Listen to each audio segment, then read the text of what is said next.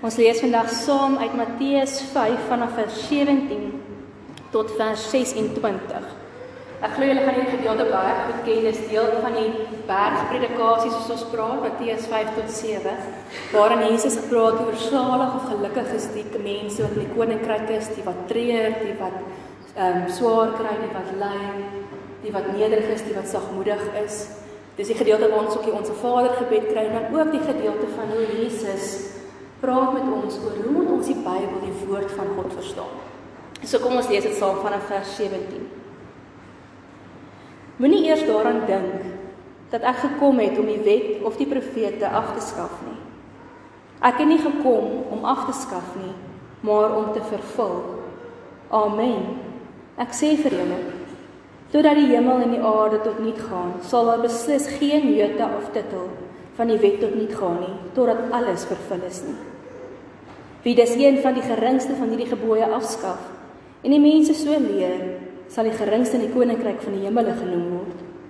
Maar wie dit onderhou en ander daarin onderrig, hy sal groot genoem word in die koninkryk van die hemele. Want ek sê vir julle, as julle geregtigheid nie aansienlik meer is as die van die skrifgeleerdes, skrifkenners en die fariseërs nie, sal julle beslis nie die koninkryk van die hemele binnegaan nie. Julle het gehoor dat daar aan die voorouers gesê is: Jy mag nie moord pleeg nie. En wie moord pleeg, is strafbaar voor die reg. Maar ek sê vir julle dat elkeen wat kwaad is vir sy broer, strafbaar voor die reg is. En wie vir sy broer sê raka, is strafbaar voor die sanering.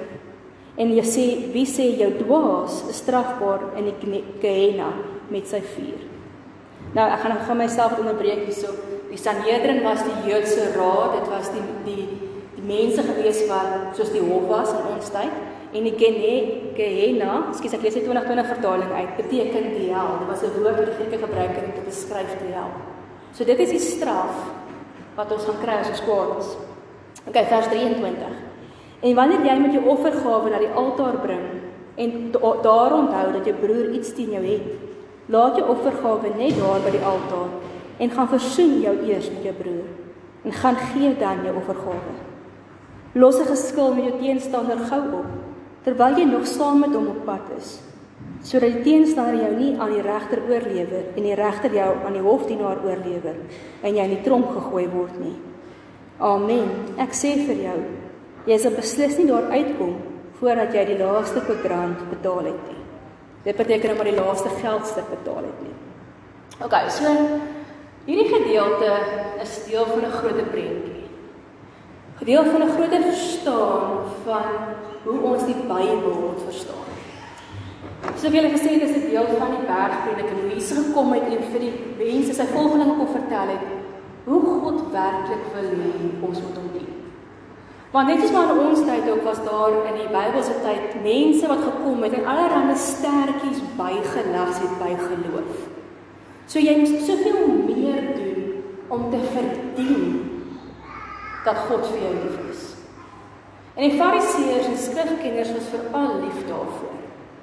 En dis presies wat hulle ook gedoen het. En hulle het later so onmoontlik gemaak vir mense om tot God te kan nader dat niemand eers wou probeer nie. Maar dit was als mensgemaakte reëls.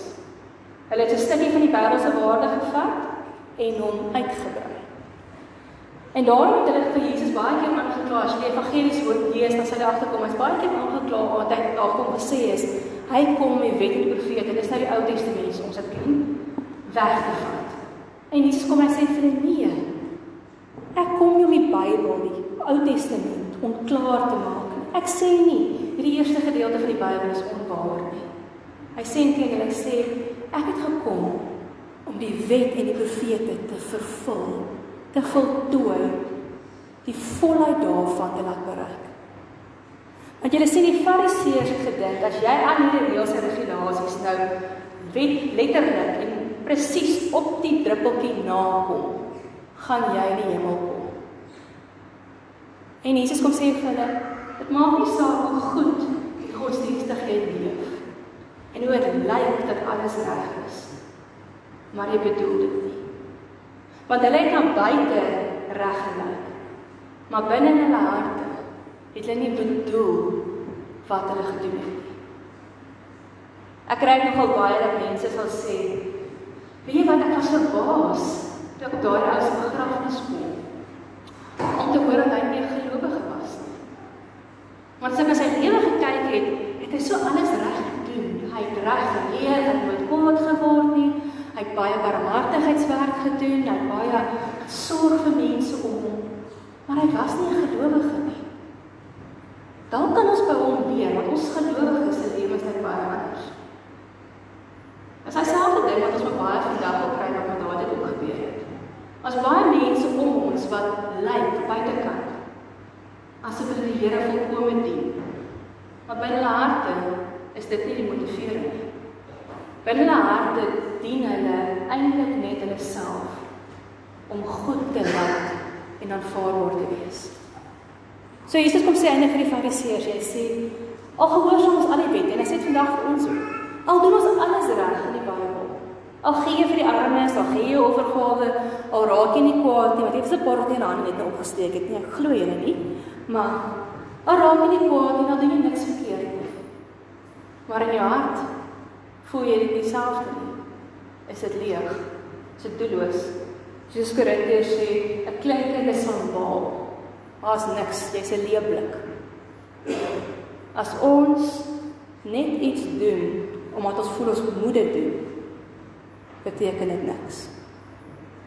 En ek wonder ek hoeveel keer in ons geloof is dit so. Ons doen goed wat ons dink dit word van ons verwag. Maar eintlik doen ons dit teensinnig. Kom ek noem net vir julle voorbeelde. Kinders. Julle het nou net gesê dit was die kleintjies, maar ek weet julle grootes raak ook kwaad. Jy raak kwaad, jy beklei met boetie sussie. Nou sê mamma pappa vir jou, julle beter nou vrede maak, jy dalk kry pak slaan. Gebeur nog nie. En dan kry ons, ag, wat jy jammer. Daai gesinde. Ons sê die regte ding, maar ons bedoel. En ons doen dieselfde as groot mense. Ons gee voor is goed vir mekaar. Ons sê jammer, ons smaal en ons is vriendelik. Maar hier in ons harte, diep binne in ons, is ons maar lelik lelik. Is ons harte nie reg nie. En dis wat in Jesus ons hier kom waarsku. Hy sê dalk nie. Ons probeer buite mooi lyk en blink lyk. Maar binnekant is ons vol nie. As jy 'n vrug al gevat het en jy 'n appel veral, en jy hom so jy dink, "O, hierdie appel gaan lekker," as jy die eerste hap wat jy gee, sê jy aan die binnekant vrot, maar buite het hy niks gewys nie. Dit is wat Jesus ons waarsku. Dat ons lewens nie so lyk nie. En daarom het hy gekom en hy kom vir hierdie hierdie fariseërs en hierdie mense om 'n klomp voorbeelde gee van waar in ons lewens dink ons ons doen nie regte goed maar ons hart is nie daarin nie. Nou hier is 'n hele paar voorbeelde as ons die hoofstuk verder lees. Ek het nou gestop by die eerste ene. Wat gaan oor moord? As ek nou vir julle hier vra, wie van julle het al moord gepleeg? Glo nie een van julle gaan eers nodig het om julle hand op te steek nie.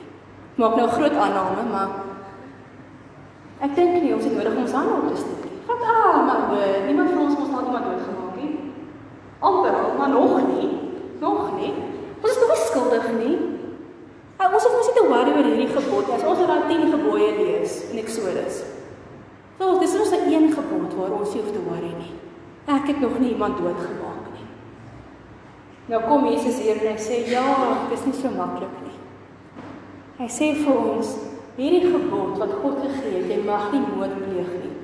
Wil die Here eintlik vir ons baie meer vertel oor wat gebeur in ons lewens, in ander se lewens wanneer ons moord pleeg. Okay, so ek wil net seker nog niemand het moord gepleeg nie, nê? Want as julle later gaan vra dan wil ek ook weer net sien of iemand al moord gepleeg het. Okay, so niemand steek hulle hande op nie. Right. So Jesus begin, hy sê vir ons, as ons gaan dieper kyk na hierdie gebod van jy mag nie moord pleeg nie. Sê hy moord begin baie klein, baie sag. En dikwels sien ons dit nie raak nie. Moord begin sê Jesus, die oomblik wanneer jy vir 'n broer of vir 'n suster, 'n maatjie, 'n eggenoot, 'n kollega kwaad is, begin moord.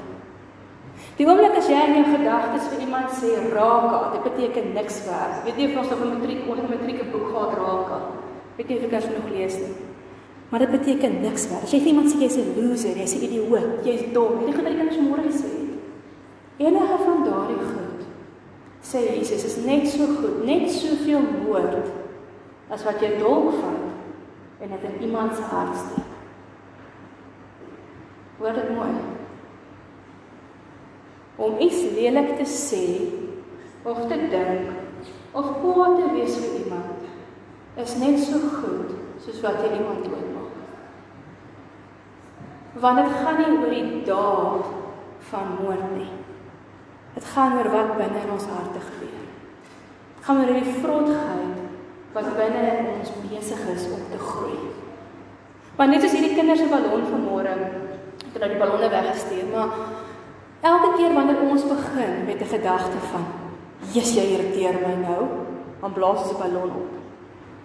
Later bly dit nie meer 'n gedagte in jou kop nie en jy begin dit vir iemand na van jou sê sê, "Nee, wat daai een maak my so kwaad." Dan blaas jy die ballon nog 'n stukkie op. Later begin jy vir enigiemand wat wil luister vertel hoe stupid daardie mens is wat jy nou ingedoen het en jy blaas hy ballon nog 'n bietjie meer op. Later kom dit so ver dat jy begin om vir daardie een te skel en te vloek en dalk selfs 'n vuisgeveg te gaan of selfs oor te gaan moord. Dit is die effek van woede. Van die saadjie woede wat binne in ons begin eenvoudig deur 'n gedagte ons sê, "Jo, jy irriteer my." Jo, jy's dom. Dis waar dit Jesus ons waarsku. Hy sê vir ons ons moet waaksaam wees Want hierdie gebod gaan oor meer as die daad van moord. Dit gaan oor dit wat binne ons harte aangaan. Want God wil nie hê ons harte moet vrot en swart wees nie. Hy wil ons oopmaak. Hy wil hê ons moet 'n vrug en 'n geur in hierdie wêreld wees wat getuig van sy liefde, van sy grootheid, van sy genade, van sy lig.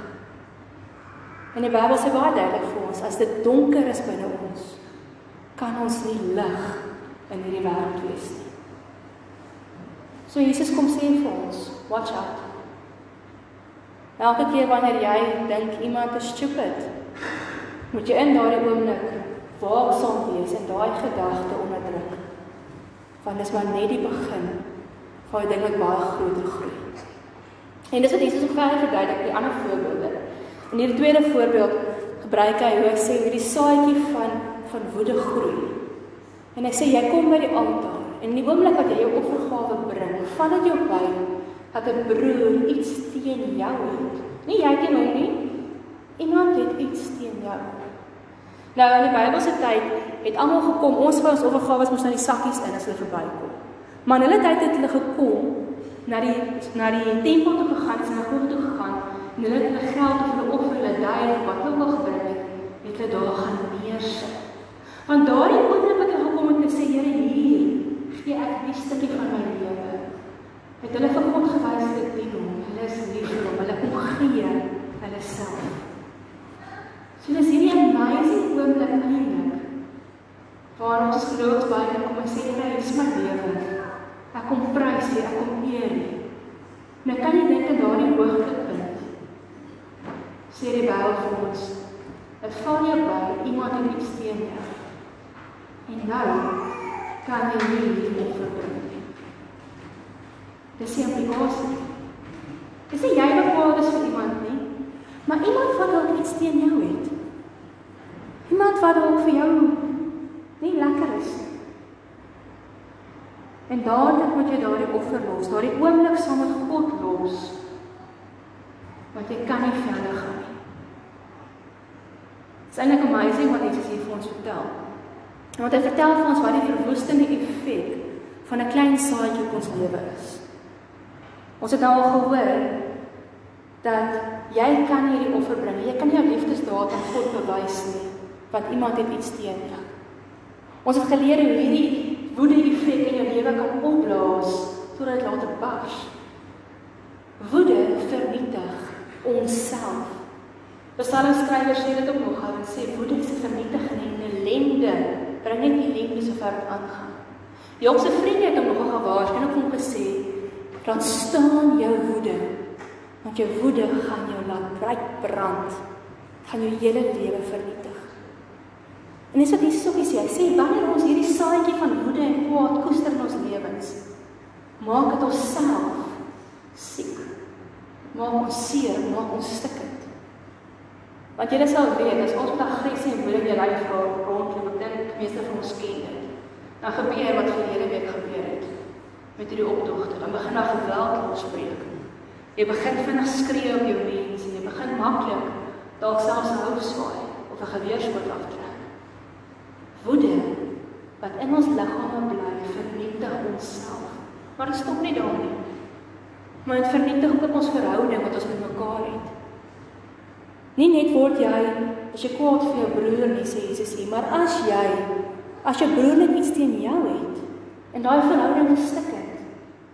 Selfs dan kan jy nie reg wees in jou verhouding met God nie. Jakob en Esau, sy storie onthou, het Jakob sy broer verneek met 'n potlensie sop. Hoop julle ken nog die storie. En Esau was so kwaad dat Jakob moes vlug vir sy lewe. Hy het gaan trou in 'n vreemde land.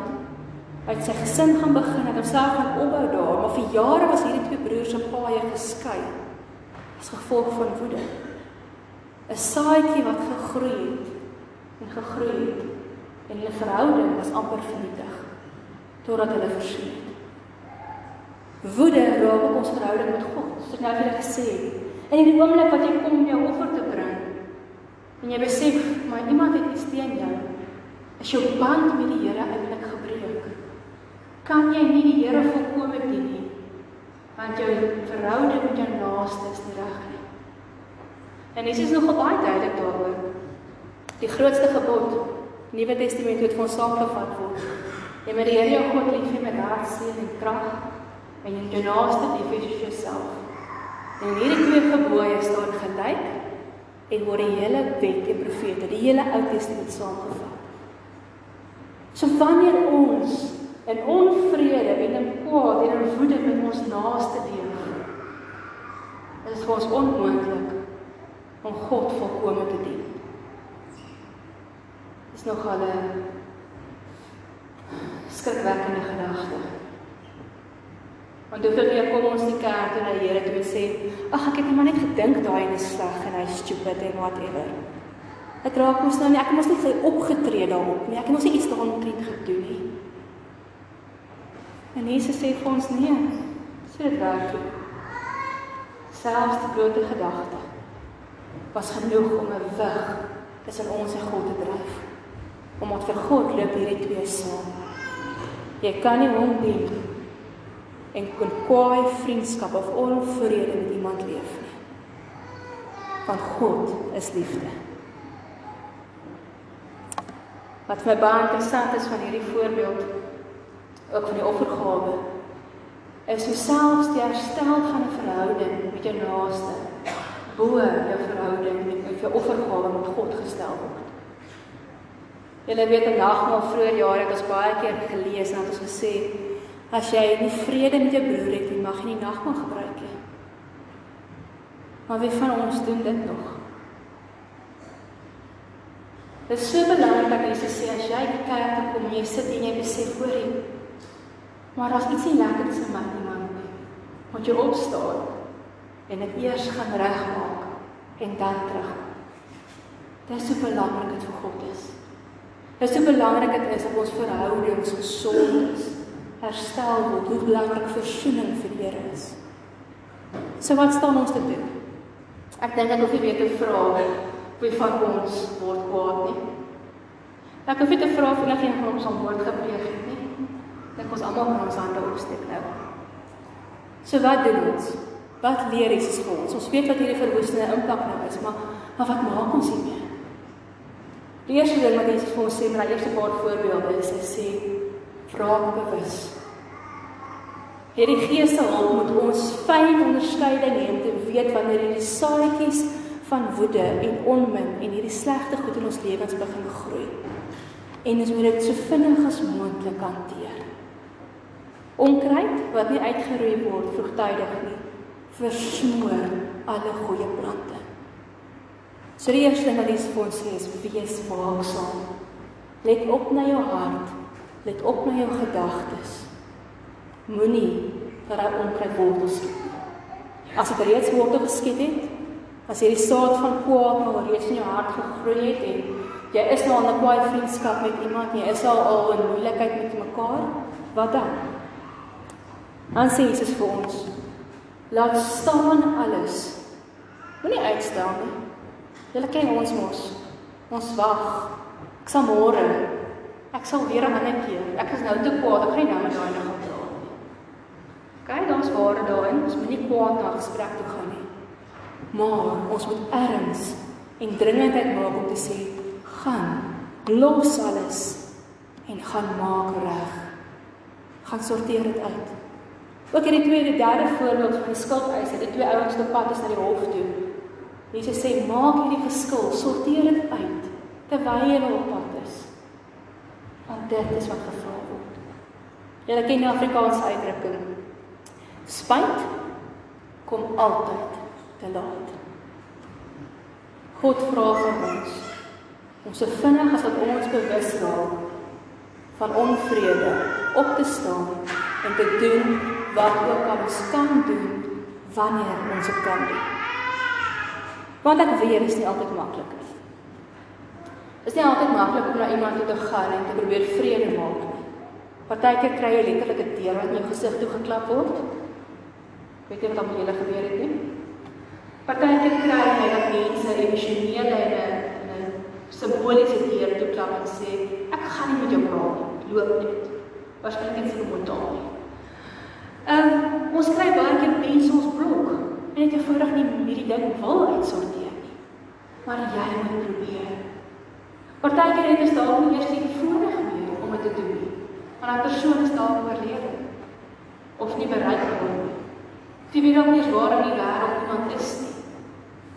Partykeer is dit moeilik want ons kan nie fisies dit doen nie.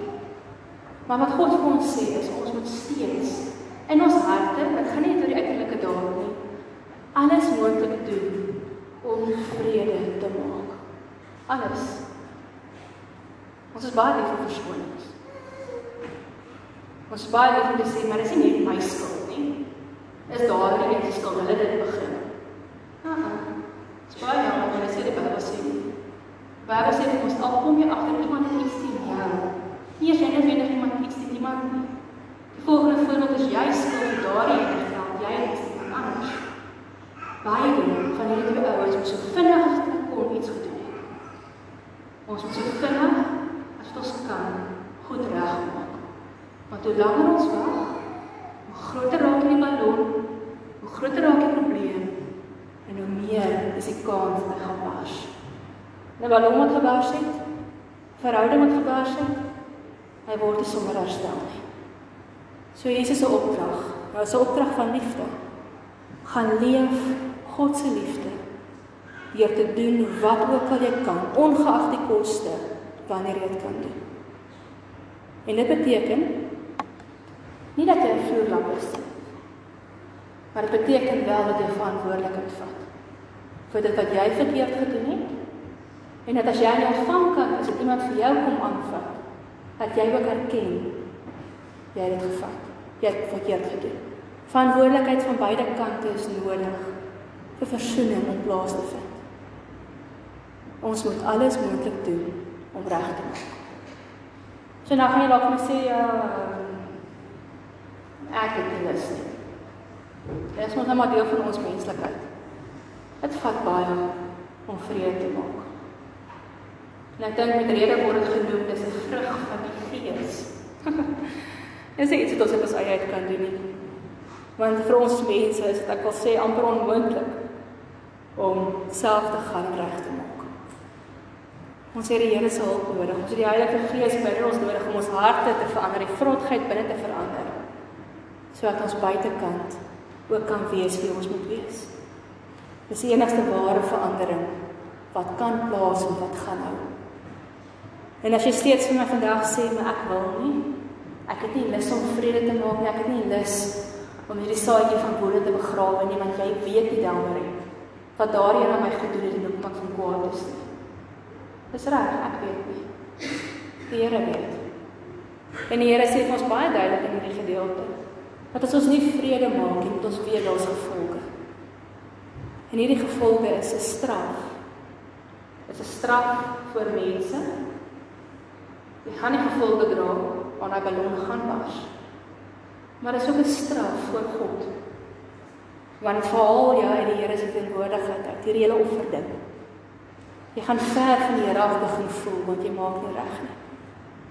Dis 'n straf met Gehenna, die hel, 'n plek waar niks regloop nie. 'n Lewe waar jy gaan voel heeltyd almal is verkeerd.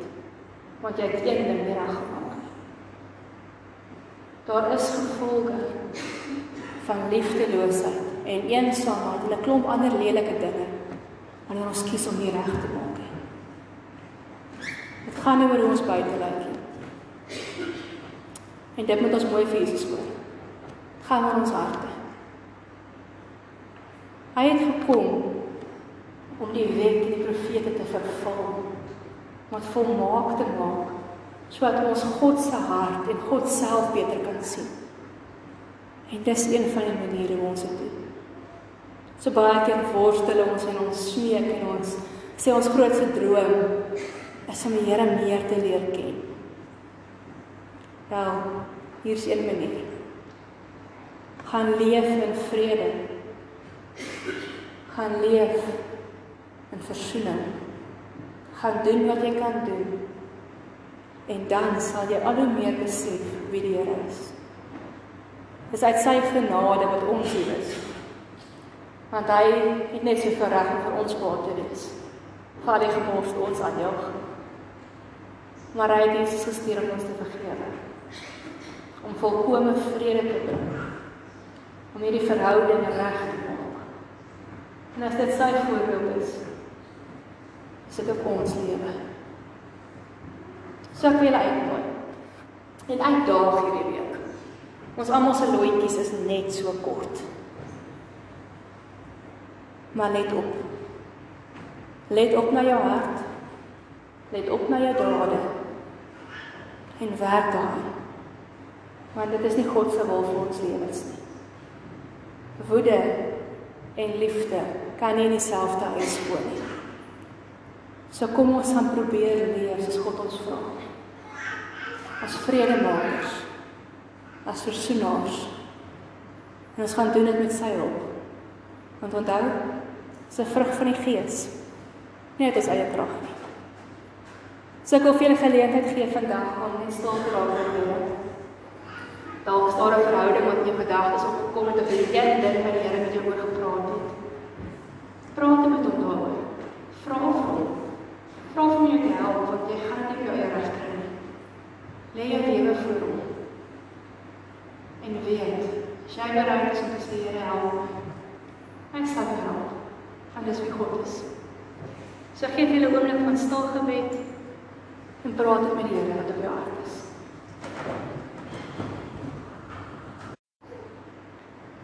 Here ken ons.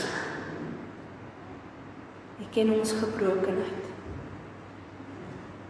En ons kom bely vandag, Here, dat die saadjie van woede dikwels in ons lewens en ons harte groei. Kom plek dit uit, Heer. Wortel en al. En kom plant u liefde, u vrede, u versoening diep in ons harte. Kom ons luister die volgende lied as deel van ons gebed. Ons vra die Here ons sal aanraak.